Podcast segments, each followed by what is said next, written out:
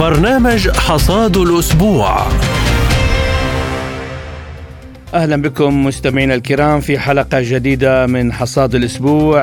ابداها معكم أنا محمد جمعة. وأنا نغم كباس والبداية بأبرز العناوين. وزير المالية الإسرائيلي يصف قطر بالداعمة للإرهاب والراعية الرئيسية لحماس. مقتل 400 أمريكي في معارك بأوكرانيا. أنسولين جيروفارم يحصل على شهادة الالتزام بالمعايير الإسلامية. ونبدأ بالشأن الفلسطيني. فقد دخلت الحرب في قطاع غزة يومها الحادي عشر بعد المئة حيث تواصل القوات الإسرائيلية استهدافاتها لا سيما لجنوب القطاع بينما تتواصل الاشتباكات العنيفة على أكثر من محور بظل وضع إنساني كارثي. وأعربت الولايات المتحدة عن قلقها إزاء المعلومات عن القصف الإسرائيلي لموقع تابع لوكالة غوث وتشغيل اللاجئين الفلسطينيين الأنروا التابعة للأمم المتحدة في قطاع غزة. وفي الوقت ذاته أكدت واشنطن دعمها لحق إسرائيل في الدفاع عن نفسها ضد حركة حماس واتهمت مقاتلي الحركة بالاختباء بين المدنيين. وفي السياق قدمت قطر مقترحا لاتفاق يقضي بوقف إطلاق النار بين الجيش الإسرائيلي والمقاومة الفلسطينية ويتحدث الاتفاق أيضا عن المساعدات الإنسانية للقطاع مع زيادة حجمها وإطلاق سراح جميع الرهائن في غزة. من جهة أخرى قال وزير المال الإسرائيلي إن قطر دولة تدعم الإرهاب وتموله وإنها الراعية لحركة حماس وأضاف أن علاقة الغرب مع قطر هي منافقة ومبنية على مصالح اقتصادية غير مقبولة داعيا الغرب كي يمارس ضغوطا قوية لإطلاق المحتجزين الإسرائيليين. من جهتها استنكرت قطر بشدة تصريحات بنيامين نتنياهو الذي اعتبر أن قيام قطر بدور الوساطة يمثل أكثر إشكالية من الأمم المتحدة والصليب الأحمر. وللحديث أكثر عن آخر تطورات الحرب على غزة والشعب الفلسطيني ينضم إلينا الكاتب والمحلل السياسي رئيس مؤسسة فيميد للإعلام الأستاذ إبراهيم المدهون أهلا بك دكتور إبراهيم في برنامج حصاد الأسبوع. أهلا وسهلا بكم. وأبدأ معك من الهجوم الإسرائيلي الذي استهدف مركز تدريب تابع للأونروا في قطاع غزة وأبدت واشنطن قلقا جراء ذلك، يعني هل يمكن اعتبار الهجوم على منشأة تابعة للأمم المتحدة دفاعا اسرائيليا عن النفس؟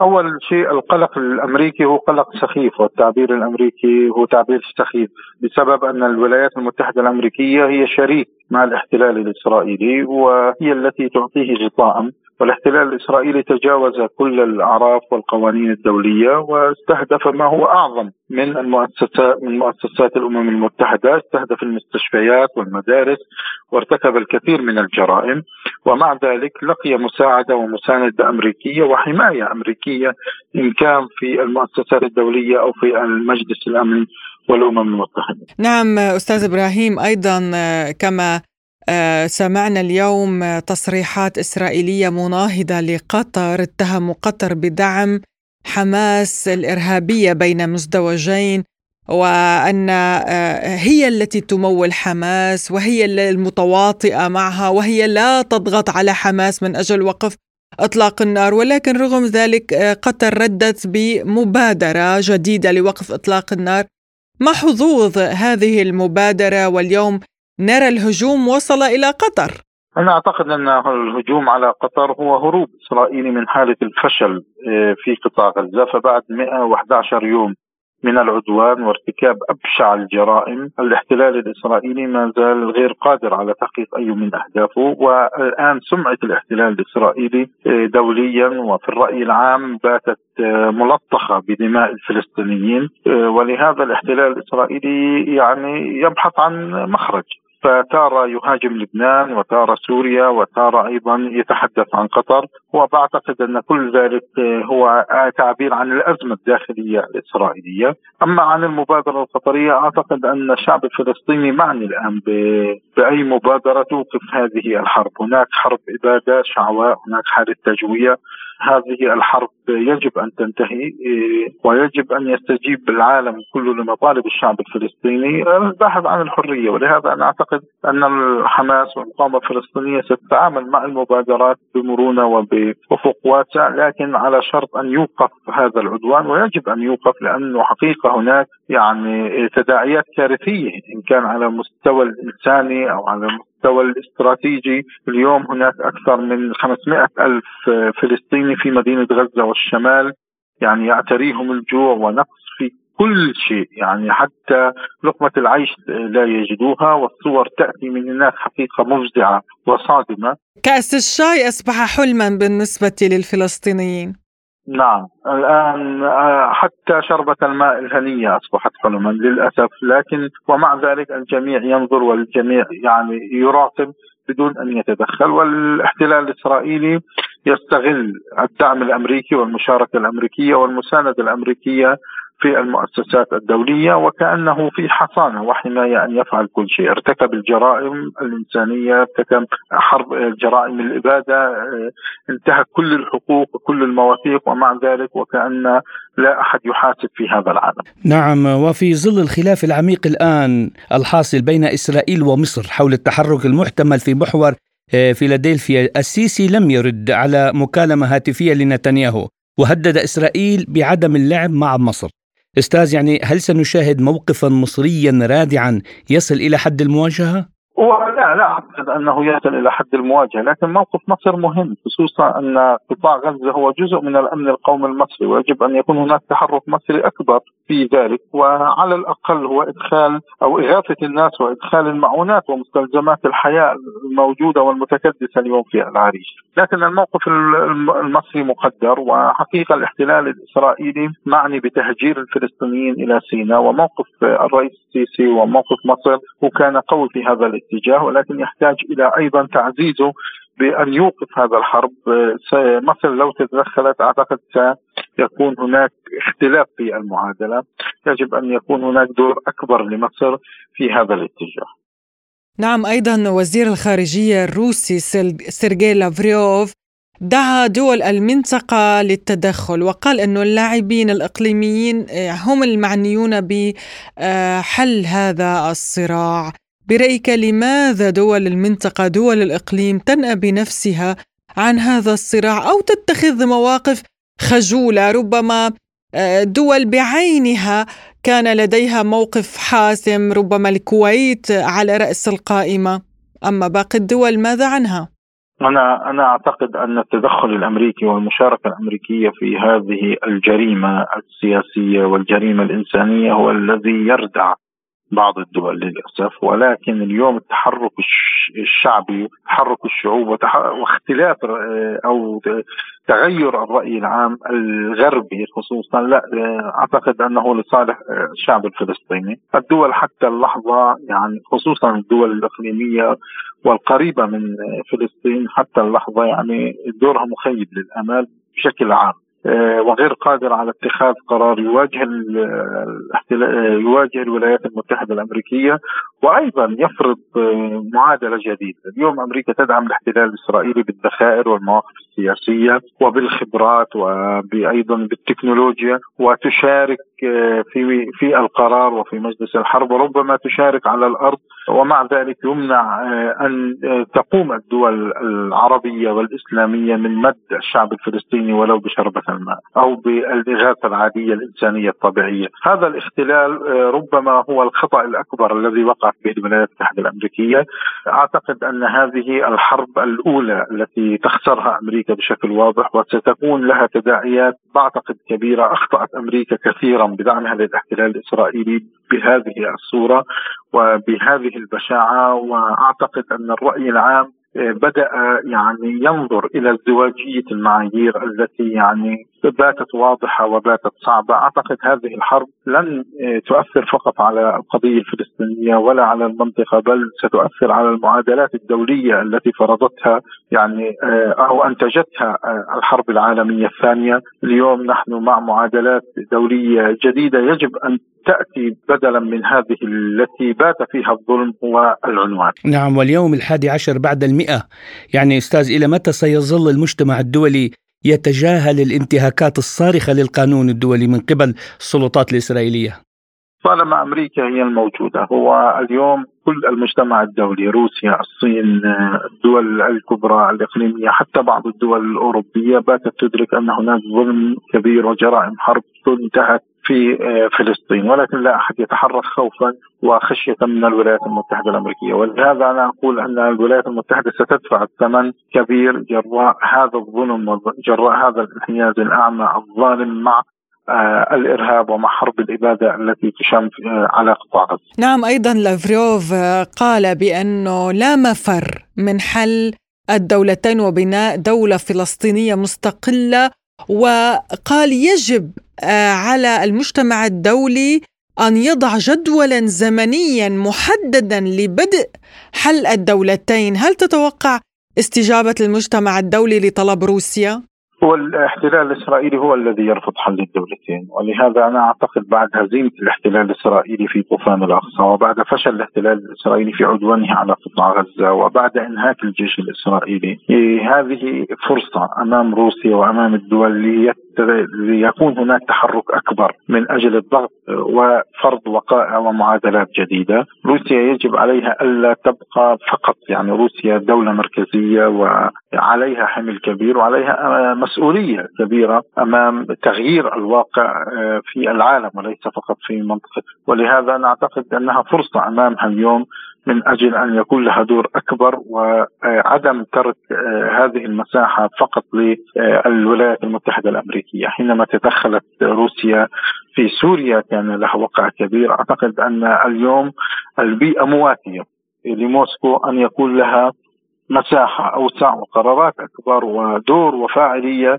في القضية الفلسطينية أستاذ إبراهيم يعني 49 عضو بمجلس الشيوخ تقدموا بتعديل على حزمة المساعدات العسكرية لإسرائيل. هل هذا حبر على ورق أم فعلا له تأثير حقوقي معين؟ أنا أتحدث أن منظومة الولايات الم... أن منظومة الولايات المتحدة الأمريكية ما زالت لا تساند وتدعم الاحتلال الإسرائيلي. و من آه، هذا القبيل أعتقد أنه فقط لتجميل الصورة وهذا لا يخدع ولا يغر لكن ما زال القرار لدى الولايات المتحدة الأمريكية سيء وسيء للغاية. نعم شكرا جزيلا لك الكاتب والمحلل السياسي ورئيس مؤسسة فيميد للإعلام الأستاذ إبراهيم المدهون. شكرا لك أستاذ إبراهيم على هذه المداخلة. وأنا أشكركم. وإلى الشأن الأوكراني حيث أعلن مستشار البنتاغون السابق العقيد المتقاعد دوغلاس ماغريغور بأن ما لا يقل عن 400 أمريكي لقوا حتفهم في أوكرانيا واتهم السلطات الأمريكية بإخفاء هذه المعلومات. وكتب ماغريغور قال صديقنا السناتور الأمريكي ليندسي جراهام إنه يجب علينا أن نكون ممتنين لعدم مقتل أي أمريكي في أوكرانيا. ولكن هذه كذبة. نحن نعلم أن ما لا يقل عن 400 أمريكي قتلوا هناك سواء كانوا متعاقدين أو يرتدون الزي العسكري. إدارة البيت الأبيض لن تتحدث عن هذا الموضوع ولن يتم نشره في وسائل الإعلام. معربا عن اعتقاده بأنه عندما ينتهي الصراع في أوكرانيا سينتقل فلاديمير زيلينسكي إلى أحد قصوره في قبرص أو إيطاليا أو ولاية فلوريدا الأمريكية. كل هذا عملية احتيال ويتم استغلال الأوكرانيين من قبل الولايات المتحدة على حد قوله. وحول إسقاط طائرة الشحن الروسية التي كانت تقل أسر أوكران قال الخبير العسكري أندري كوشكين لسبوتنيك. أعتقد أن هذا قبل كل شيء هو استفزاز وضربة موجهة إذا كانوا يعلمون وهم يعلمون طبعا لأنه عندما يتم استخدام أقوى أنظمة الدفاع الجوي مثل باتريوت وإيريس فهذا يعني أن الهدف معروف والضربة مقصودة. علاوة على ذلك كييف كانت تعلم أن طائرة نقل عسكرية قادمة من أجل تبادل أسرى الحرب. مما يؤكد أن ما حصل هو استفزاز متعمد بأعلى مستوى لأنه على ما يبدو كان من الضروري استخدام أنظمة دفاع جوي خطيرة. وأعتقد أن مهمة زيلينسكي الآن ليست سهلة للخروج من هذا المأزق لأنه في الوضع الحالي هو بحاجة لشرح ما جرى وعلى أي أساس وعلى يد من جرى ذلك. وإذا تبين أن هذا الاستفزاز تم تنظيمه بقرار من بعض القوى الداخلية التي تريد تعقيد الوضع أو تعقيد الخلافات الداخلية بين المؤسسة السياسية والقيادة العسكرية للبلاد مثلا فسنرى إلى أي مدى هذا الاستفزاز سوف يستخدم في هذه المواجهة. إلى الآن نستطيع أن نتحدث فقط عن هذه الكارثة كالكوارث الأخرى عندما ضربوا المناطق المدنية في دانيتسك بالقذائف العنقودية لقد هاجموا إحدى المرات موقعا لقواتهم العسكرية من أزوف عندما تعرضوا لهجوم من قبل هايمرز وتمكنوا بعد ذلك من الإفلات من العقاب. ولكن في هذه المرة كيف سيفلتون من ضربتهم لطائرة نقل عسكرية إيل 76 بعد إسقاطها؟ ولمناقشة مستجدات الملف الأوكراني ينضم إلينا عبر الهاتف الأستاذ المساعد في معهد العلاقات الدولية والتاريخ العالمي في جامعة لوباتشيفسكي الحكومية الروسية ومدير مركز خبراء رياليست الروسي الدكتور عمرو الديب أهلا بك دكتور في برنامج حصاد الأسبوع ونبدأ من إعلان مستشار سابق لرئيس البنتاغون عن مقتل 400 أمريكي في معارك بأوكرانيا لماذا برأيك تخفي الولايات المتحدة نشر هذه البيانات؟ بالطبع هي يعني إدارة بيت الأبيض أو حتى إدارة البنتاغون ومجتمع المخابرات الأمريكي لا يستطيع الإفصاح عن مثل هذه التقارير لأنها تمثل أولا تمثل آه، يعني تورط آه، رسمي من خلال الدماء الأمريكية وليس فقط الأسلحة الأمريكية ولا الأموال الأمريكية ولكن الدماء الأمريكية في آه، حرب ضد روسيا دون أن يعلم الشعب الأمريكي الأمريكي عن هذا الأمر أيضا عدد 400 شخص يبدو أنه عدد قليل جدا لأن الأعداد خصوصا من الولايات الأمريكية التي قتلت التي قتلت يبدو أنها أعلى بكثير عن هذا العدد ولكن هذا تقرير فقط تم الإعلان عنه ولكن هناك تقارير أخرى وهناك معلومات أخرى تؤكد بأن أعداد القتلى الأمريكيين وبشكل خاص وأعداد القتلى الأوروبيين بشكل عام كثيرة وكبيرة جدا في خلال أو الصراع الروسي الغربي على الأراضي الأوكرانية في الولايات المتحدة الأمريكية تحارب روسيا تحارب المصالح الروسية من خلال الأراضي الأوكرانية ولكن دون أن يعلم أو أن تعلم الشعوب الغربية بمثل هذه القرارات ومثل هذه الأنواع من المشاركة الفعلية في آه، سير هذه العمليات العسكرية. وما هي ردة فعل المواطنين الأمريكيين المتوقعة بعد الكشف عن مقتل مواطنيهم من أجل الدفاع عن نظام النازيين الجدد؟ بشكل عام بصراحة إذا ما رأينا ردات الفعل الغربية بشكل عام والأمريكية بشكل خاص نجد أن الشعوب آه هذه أصبحت للأسف الشديد غير مهتمة بالسياسة الخارجية آه، الخاصة بحكومتها، بالرغم من أن هذه السياسة الخارجية وهذه التحركات الخاصة بحكومتها في مثلا في الصراع مع روسيا أو في محاربة روسيا بشكل أدق تؤثر بشكل مباشر على مصالح هذه الشعوب. ولكن يعني للأسف لا توجد داخل الولايات المتحدة الأمريكية حاليا مؤسسات أو من نقول مراكز يمكن لها أن تؤثر على المزاج العام للشعب الأمريكي، فالشعب الأمريكي بالرغم أنه يعني يمكن أن يستقبل مثل هذه الأخبار باستياء كبير ولكن هذا الاستياء يجب أن يترجم إلى آه، رفض شعبي لمثل هذه التحركات الغير محسوبة. ولكن كما قلت لا توجد مؤسسات لا توجد مراكز داخل الولايات المتحدة الأمريكية داخل حتى القارة الأوروبية تقف ضد السياسات الخاصة بحكومتهم في هذا الملف بشكل خاص وفي ملفات عديدة. طبعا حتى لا ننسى أيضا ملف مثلا الأزمة الفلسطينية الإسرائيلية بين حماس وإسرائيل. كل ما يدور هناك أيضا الشعوب فقط آه، في بريطانيا رأينا مرة أو مرتين آه، خرجت آه، هذه الحشود من أجل استطاح أو من أجل إرسال موقف ما. ولكن لم تؤثر ولن تؤثر هذه المشاعر نقول الغير راضية على هذه التصرفات الحكوميه على قرارات هذه الحكومات بشكل خاص طبعا البيت الأبيض والبنتاغون ومجتمع المخابرات الأمريكي.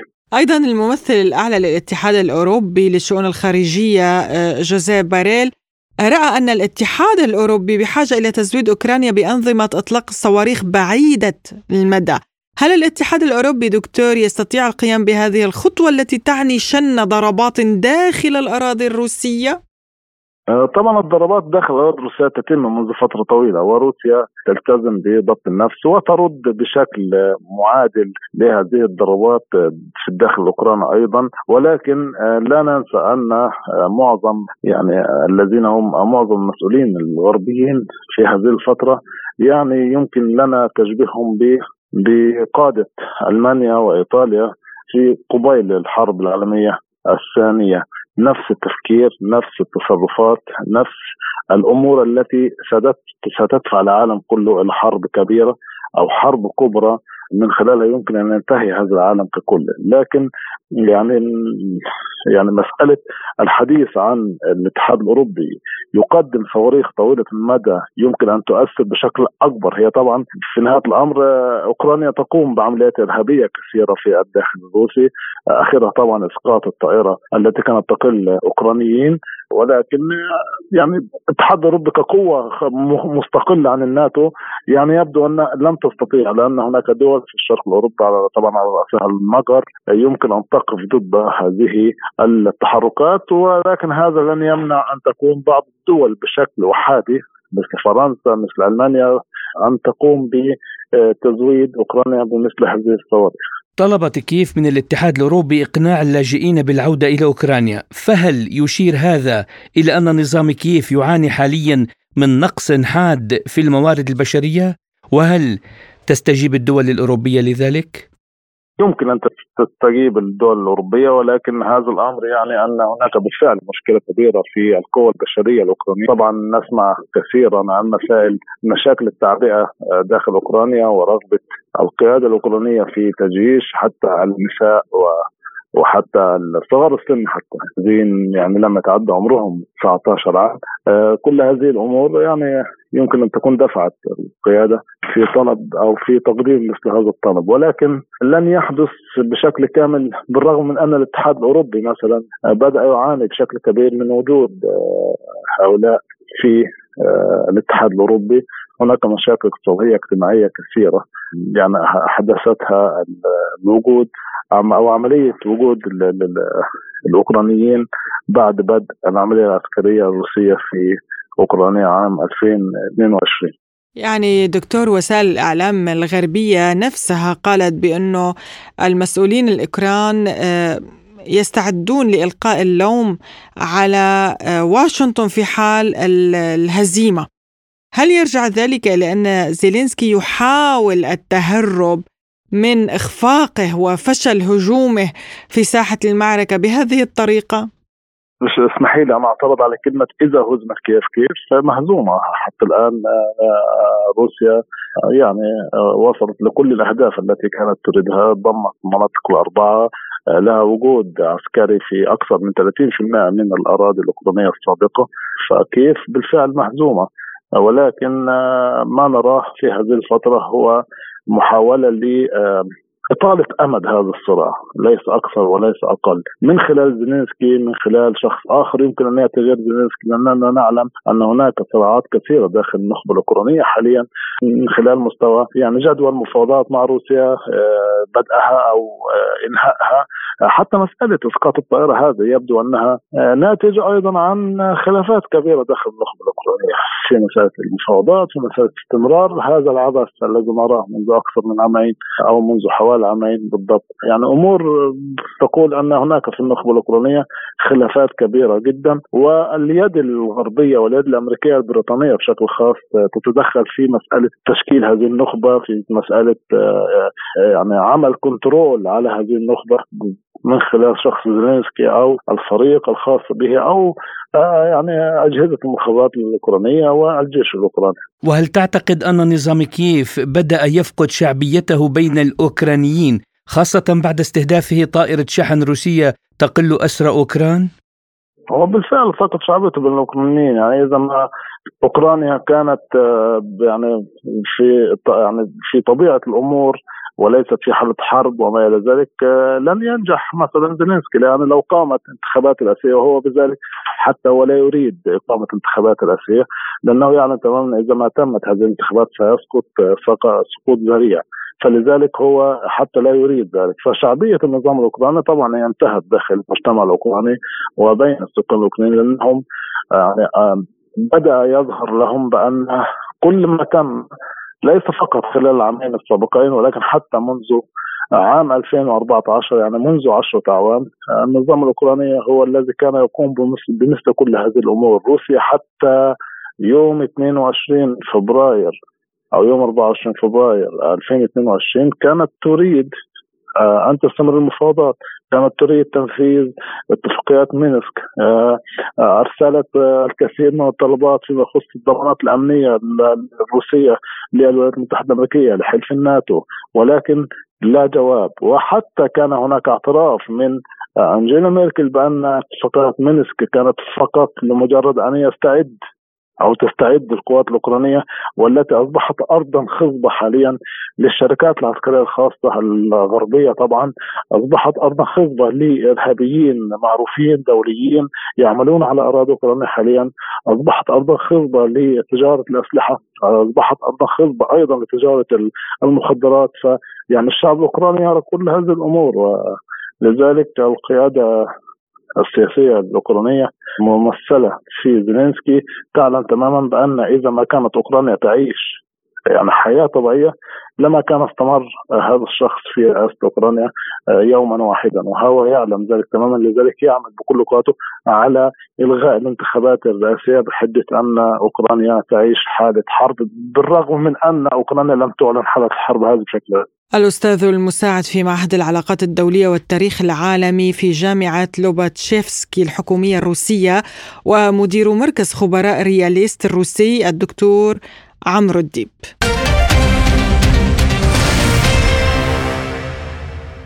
صرح وزير الخارجية الروسي سيرجي لافروف خلال اجتماع مجلس الأمن الدولي بأن سياسات واشنطن في الشرق الأوسط ومغامراتها طوال العقدين الماضيين لم تتكلل بالنجاح وأنه لا مفر من إقامة دولة فلسطينية.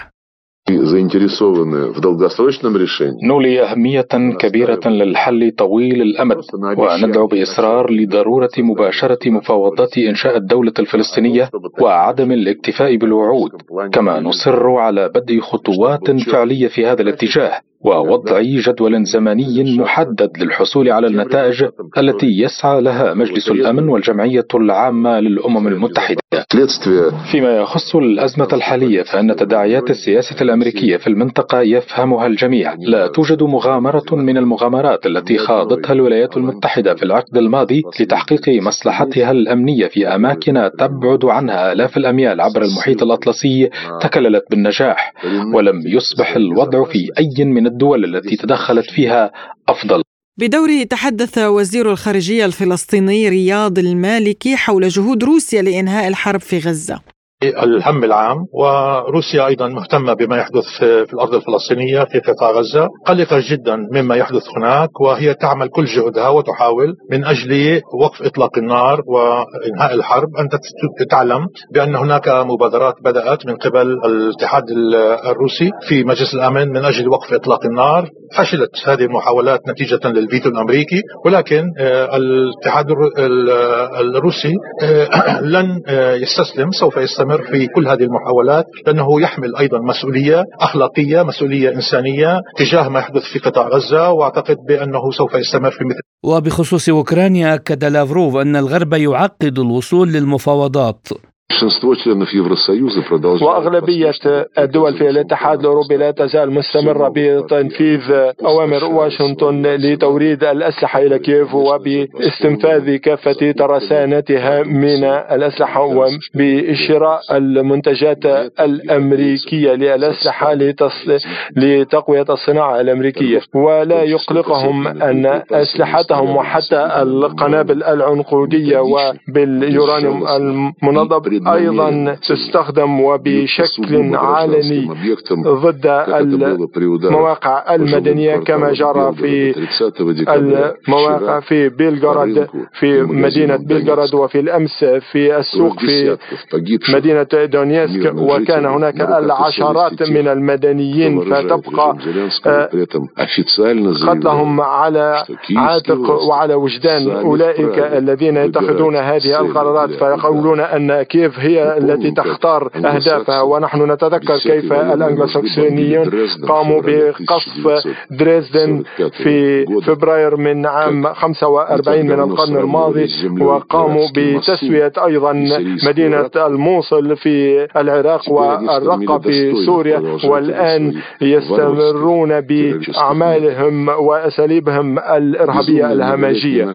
أو عدم التسوية السلمية في القضية الأوكرانية هو بسبب النظام في كييف واحتضاره وتوجيه محاولته توجيه ضربة استراتيجية لهزيمة روسيا ولإضعاف أو لإضعاف روسيا. والواقع فهو أنه رغم انهيار الكامل للقوات الأوكرانية في أرض المعركة فإن رعاة النظام في كييف من الغرب يدفعونه وبالتأكيد على الاستمرار في العملية العسكرية. عندما كانوا قد وقعوا على اتفاقات مينسك وان الاسباب التي جعلت الغرب يتصرف بهذا الاسلوب الاجرامي انه في واشنطن وفي العواصم الاوروبيه وفي الاوقات الاخيره كانوا قد اعلنوا بان الغرب يقوم بحرب ضد روسيا بايدي الاوكرانيين لوضعها في مكانها والرئيس بايدن كان قد سمى هذا الوضع بانه استثمار رائع والافكار حول الاستثمار أيضا كان قد تحدث عنها الزملاء من الغرب أيضا. والكونغرس حول هذا الموضوع قال مدير مركز آسيا للدراسات الدكتور أحمد مصطفى. لا هو السؤال يعني منقسم لعدة أقسام. بالنسبة لرأي السيد لافروف هو رأي محترم جدا ورأي قريب للصواب لأنه أصلا الدول الغربية والناتو للأسف يعانون اقتصاديا بشكل كبير جدا بسبب الدعم الذي قدم لدولة فاشلة كأوكرانيا لمدة عامين أو أكثر بدون أي جدوى وبهزيمة نقراء وهذا ما نعرفه لأنه أيضا يوجد هناك نظام أيضا يتسم رئيسه بالجنون يشبه نتنياهو متطرف نازي متصهين أيضا لأنه شبه نفسه سابقا بإسرائيل. وما حصلته أوكرانيا هذه الدولة التي كانت قبل هذا النزاع مدعومة روسيا سواء مدعومة بالنفط مدعومة بالأموال. كان يحصل مواطنيها على حقوق في المنح الدراسية والتعليم. والتوظف داخل روسيا بكل أريحية وبدون أي مشاكل إلا أن هذا النظام المتخلف الذي يدار من قبل واشنطن كما يدار النظام الصهيوني نظام إسرائيل للأسف سيودي ببلده إلى التهلكه لأن بلده مهزومة والناتو نفسه مهزوم على مدار سنتين وطبعا ارتفاع أسعار الطاقة يعني كان سببا في يعني انخفاض مستوى دخل هذه الدول وعدم اتفاقها على توريد الأسلحة وطبعا كانت توجد عدة دول ومنها طبعا المجر وكذلك مؤخرا سلوفيكيا ودول أخرى أعادت النظر في توجيه هذه المساعدات إلى أوكرانيا لأنه كما نقول يعني في المثل المصري ما يتطلبه الجامع يحرم على ما يتطلبه البيت يحرم على الجامع. أو ما يتطلبه الشأن الداخلي يحرم على الغير. طبعا حاليا لأن الناتو منهزم فهو يحاول بشتى الطرق طبعا تحقيق أي مكسب ولكن هذا لن يحدث لأنه طبعا هذا كان يراهن عليه بايدن ويراهن دائما على الفرس الخاسر كما يراهن على فوز إسرائيل على حماس وأيضا راهن على الفرس الخاسر لأنه لم يحقق لا في هذه ولا في تلك أي نجاح وحتى عندما ذهب إلى اليمن ذهب إلى ملعب غير ملعبه وكل يوم تقريبا يتم إصابة سفينة أمريكية سواء تجارية أو غيرها وحتى مهاجمة السفن الحربية واثنين من الضباط المارين تم خطفهم وأمس أو أول أمس أعلن عن فقدانهم بشكل تام أو عن موتهما. فطبعا كل هذا يعد يعني هزائم كبيرة جدا. ولا تنسي أيضا أنه مع آه، ما يتم في اليمن ومحاولة آه، طبعا آه، قوات أنصار اللي سحق أمريكا وبريطانيا هذا التحالف الفاشل تحالف كبار السن يعني هذا جعل من طريق التجارة وسلاسل التوريد والنفط وأيضا فاتوره تامين البواخر. كل هذه الأسباب مجتمعة يعني آه، تؤيد ما قاله السيد لافروف لأن أمريكا منهزمة في أربع مواقع منها أوكرانيا منها آه، إسرائيل منها اليمن ومنها حتى في بحر الصين. فكيف لهم من تحقيق؟ هو فقط بايدن يركز على أي شيء. للأسف يعني حتى مهما حاولوا استخدام الميديا وسلاح الميديا بتشويه الحقائق الجمهور الأمريكي آه، والجمهور الأوروبي أصبح يدرك بذلك وينزل يوميا لمظاهرات آه، لإيقاف الحرب سواء في أوكرانيا أو في غزة أو عدم آه، مهاجمه اليمن. وحول الجدوى التي حصدتها الولايات المتحدة وكيف استثمرت الأزمة أضاف مصطفى؟ هي فقط من خلال بيع مخزون أسلحة يعني تالف لم يحقق أي نجاح وهذا بسبب للأسف الاستثمار الجيد هو أتى هنا بسبب الضغط وعلى دول الاتحاد الأوروبي وأنه حول دول الاتحاد الأوروبي للأسف إلى حديقة خلفية له. آه، شبهتني بأمريكا اللاتينية قبل أن يأتي اليسار مرة أخرى وبقوة. وأوروبا التي المفترض أن يتصف زعمائها وأنظمتها بالرشد للأسف كانت العديد من الشركات المتعددة الجنسيات وخصوصا الشركات الأمريكية التي أتت بهم سواء في النظام الألماني أو في النظام الفرنسي أو في بريطانيا.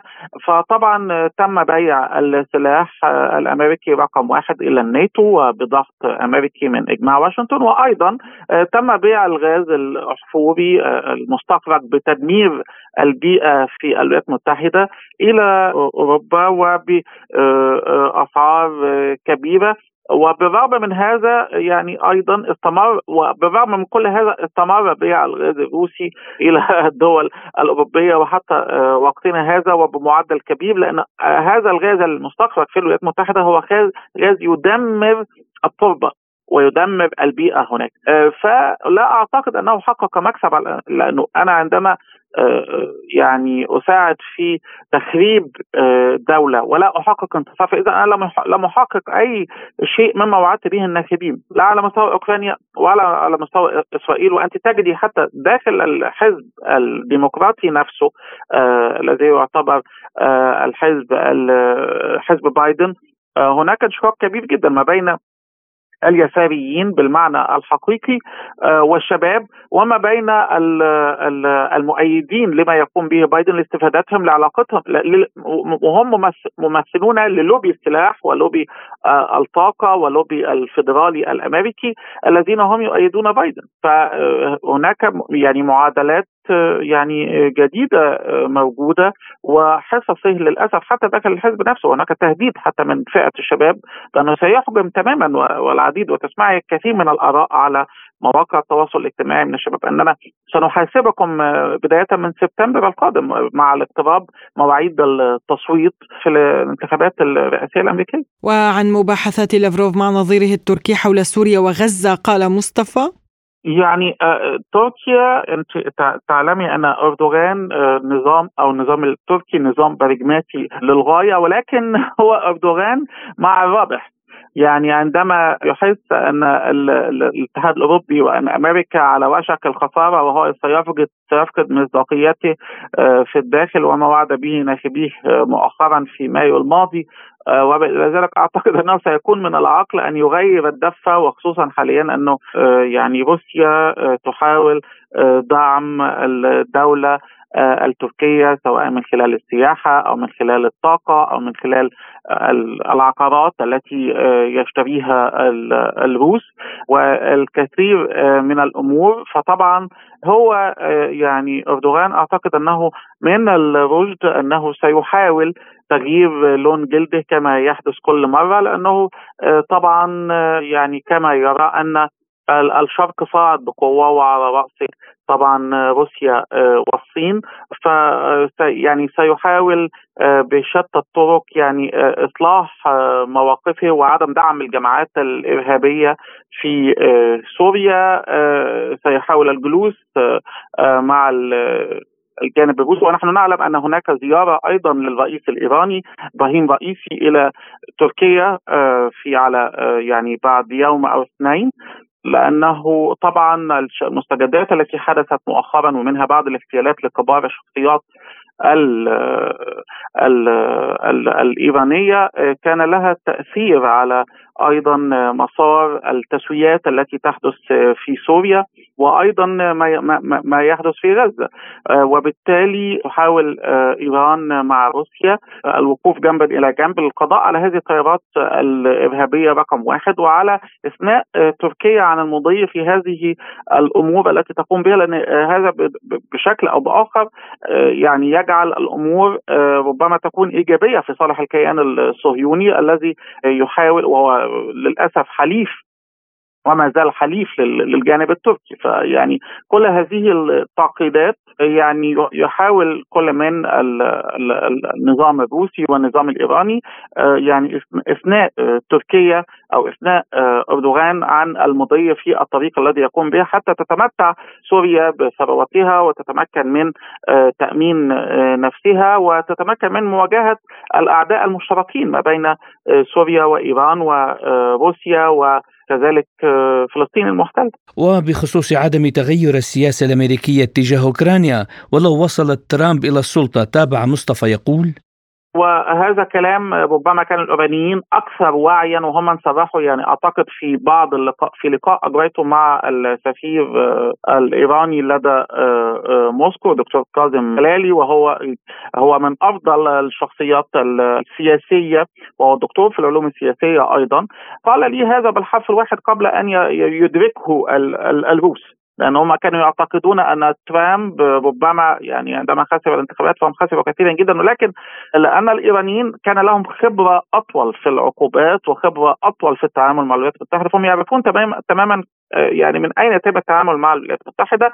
الولايات المتحدة إذ لم تكوني بالقوة والردع المناسب واللازم لن يحترموك يعني أو لن لن يتعاملوا معك بمنافسة ندية سينظرون إليك إلى أسفل لانهم حتى ينظرون الأوروبيين نظرة متدنية آه، كما آه، أجبنا في السؤال الأول وهنا كما يعلم الجميع أن ترامب أو بايدن أو الحزبين للأسف لأن الحزبين فاسدين في الولايات المتحدة بشكل كبير جدا وهناك وأنتم حتى آه، يعني أنتجتم العديد في في يونيفرستي من الأفلام التسجيلية عن ظاهره الباب الدوار آه، واللوبيهات وتاثيرها وكيف يتم آه، دخول حتى النواب الجدد في الكونغرس إلى رشاوى اللوبي للتأثير على القرار لصالح هذه اللوبيات فطبعا كما قلت لك إن هناك ثلاث لوبيات أساسية تلعب آه، في القرار الامريكي والدولة العميقة فلوبي الاحتياطي الفيدرالي لأنه الدولار يريد السيطرة على الاقتصاد العالمي كما هو لارتباطه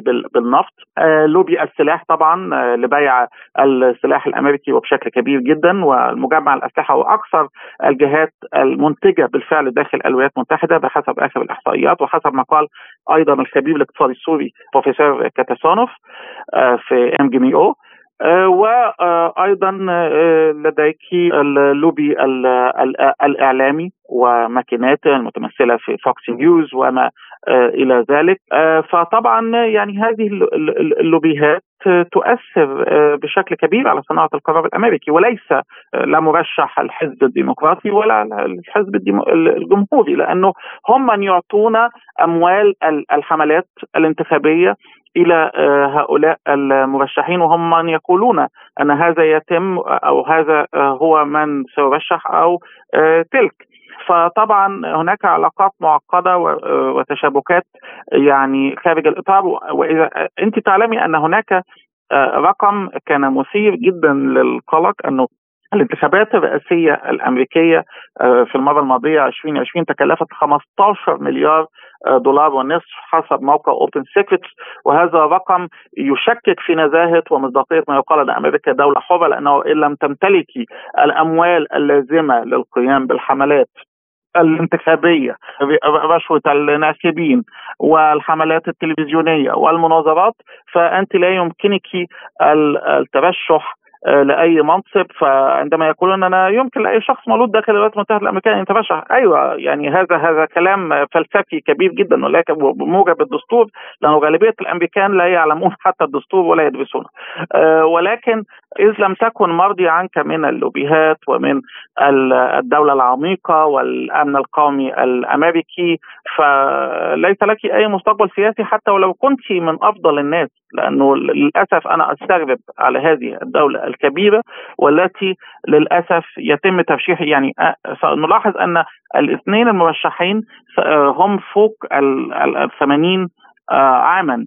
يعني فكيف لدولة مثلا قوامها من الشباب يزيد عن 50% ويرشح إثنين فوق ال 80 عاما؟ هذا هذا تخلف في السياسة الأمريكية لأنه الشباب أنفسهم ليس لديهم رشح ولا يوجد حزب آخر على سبيل المثال يمكن المنافسة أو يمكن لأحد الترشح من خلاله. يعني هذه كارثة كبرى يعني. فهنا بالفعل السيد لافروف لأنه رجل يدرك هذه الحقائق آه، أقر بهذه الموضوعات وإلى ملفنا التالي حيث شارك الرئيس الروسي فلاديمير بوتين والرئيس المصري عبد الفتاح السيسي في مراسم صب خرسانة المفاعل الرابع في محطة الضبعة النووية. وقال بوتين نبدأ اليوم مرحلة جديدة في بناء المحطة النووية في الضبعة أهم المشاريع بين روسيا ومصر والتي ستساهم في قاعدة الصناعات الحديثة وإتاحة فرص عمل للمتخصصين. مصر تعتبر صديق قريب لنا وشريك استراتيجي ونحن علاقاتنا مبنية على المساواة والاحترام المتبادل وأيضا وفقا اتفاقية الشراكة المتعددة والتعاون الاستراتيجي والتي تم التوقيع عليها في عام 2018 في سوتشي. ويتطور أيضا التبادل التجاري بين البلدين والذي كان قد نما في العشرة أشهر الماضية من السنة الماضية بعشرين في المئة. وهناك مشاريع عديدة في مجال الطاقة والزراعة. بدوره قال السيسي إن العمل بمحطة الطبعة النووية يسير بوتيرة أسرع من المخطط ويمثل صفحة أخرى من التعاون بين مصر وروسيا. وهو اليوم يكتب تاريخا جديدا بتحقيق حلما طالما راود جموع المصريين بامتلاك محطات نووية سلمية مؤكدا تصميمه على المضي قدما في مسار التنمية والبناء وصياغة مستقبل مشرق لمصر إن هذا الحدث العظيم الذي نشهده اليوم يمثل صفحة مضيئة أخرى في مسار التعاون الوثيق بين مصر وروسيا الاتحادية ويعد صرحا جديدا يضاف إلى مسيرة الإنجازات التي حققها التعاون المصري الروسي المشترك عبر التاريخ. كما يعكس مدى الجهود المبذولة من كلا الجانبين للمضي قدما نحو تنفيذ مشروع مصر القومي. بإنشاء المحطة النووية بالضبع الذي يسير بوتيرة أسرع من المخطط الزمني المقرر متخطيا حدود الزمان متجاوزا كل المصاعب يعكس الأهمية البالغة التي توليها الدولة المصرية لقطاع الطاقة إيمانا بدوره الحيوي كمحرك أساسي للنمو الاقتصادي. وأحد ركائز التنمية الاقتصادية وفق رؤية مصر 2030 السيدات والسادة أن ما يشهده عالمنا اليوم من أزمة في إمدادات الطاقة العالمية يؤكد أهمية القرار الاستراتيجي الذي اتخذته الدولة المصرية بإحياء البرنامج النووي السلمي المصري لإنتاج الطاقة الكهربائية. كونه يساهم في توفير إمدادات طاقة آمنة ورخيصة وطويلة الأجل وبما يقلل الاعتماد على الوقود الأحفوري ويجنب تقلبات أسعاره.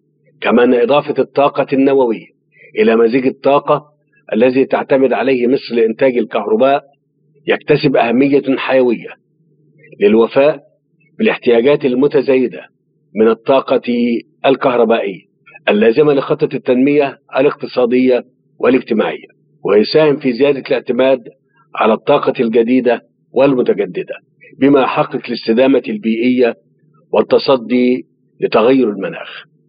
وختاما أتقدم بالشكر مرة أخرى لفخامة الرئيس بوتين على انضمامه لهذه الفاعلية.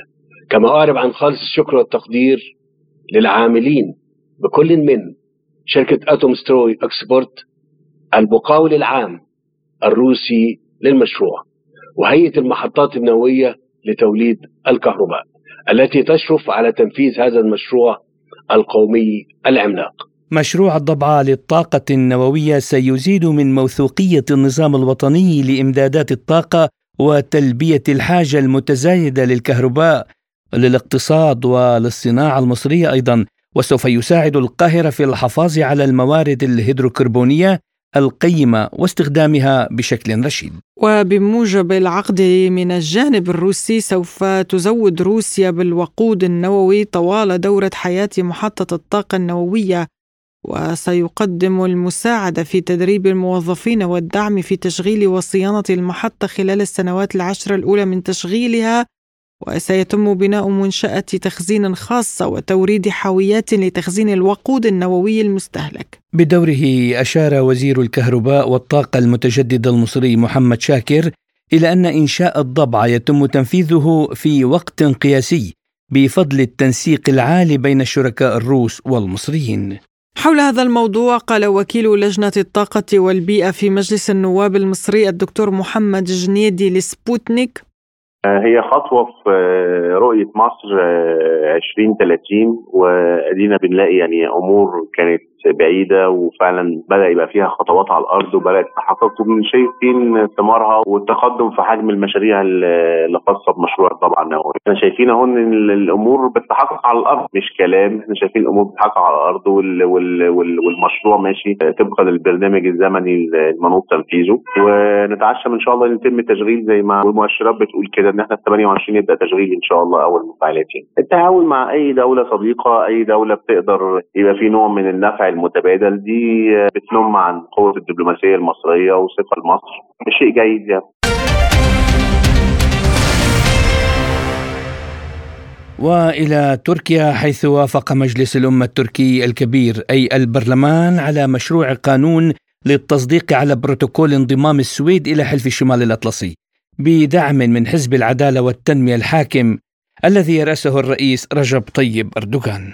وبعد هذه الخطوة يجب أن تتم الموافقة على مشروع القانون وتوقيعه من قبل رئيس الجمهورية وبالتالي تظل المجر الدولة الوحيدة في الناتو التي لم يصدق برلمانها بعد على طلب السويد للانضمام. حول هذا الموضوع تحدث لسبوتنيك الباحث الدولي والخبير في الشأن التركي محمود علوش.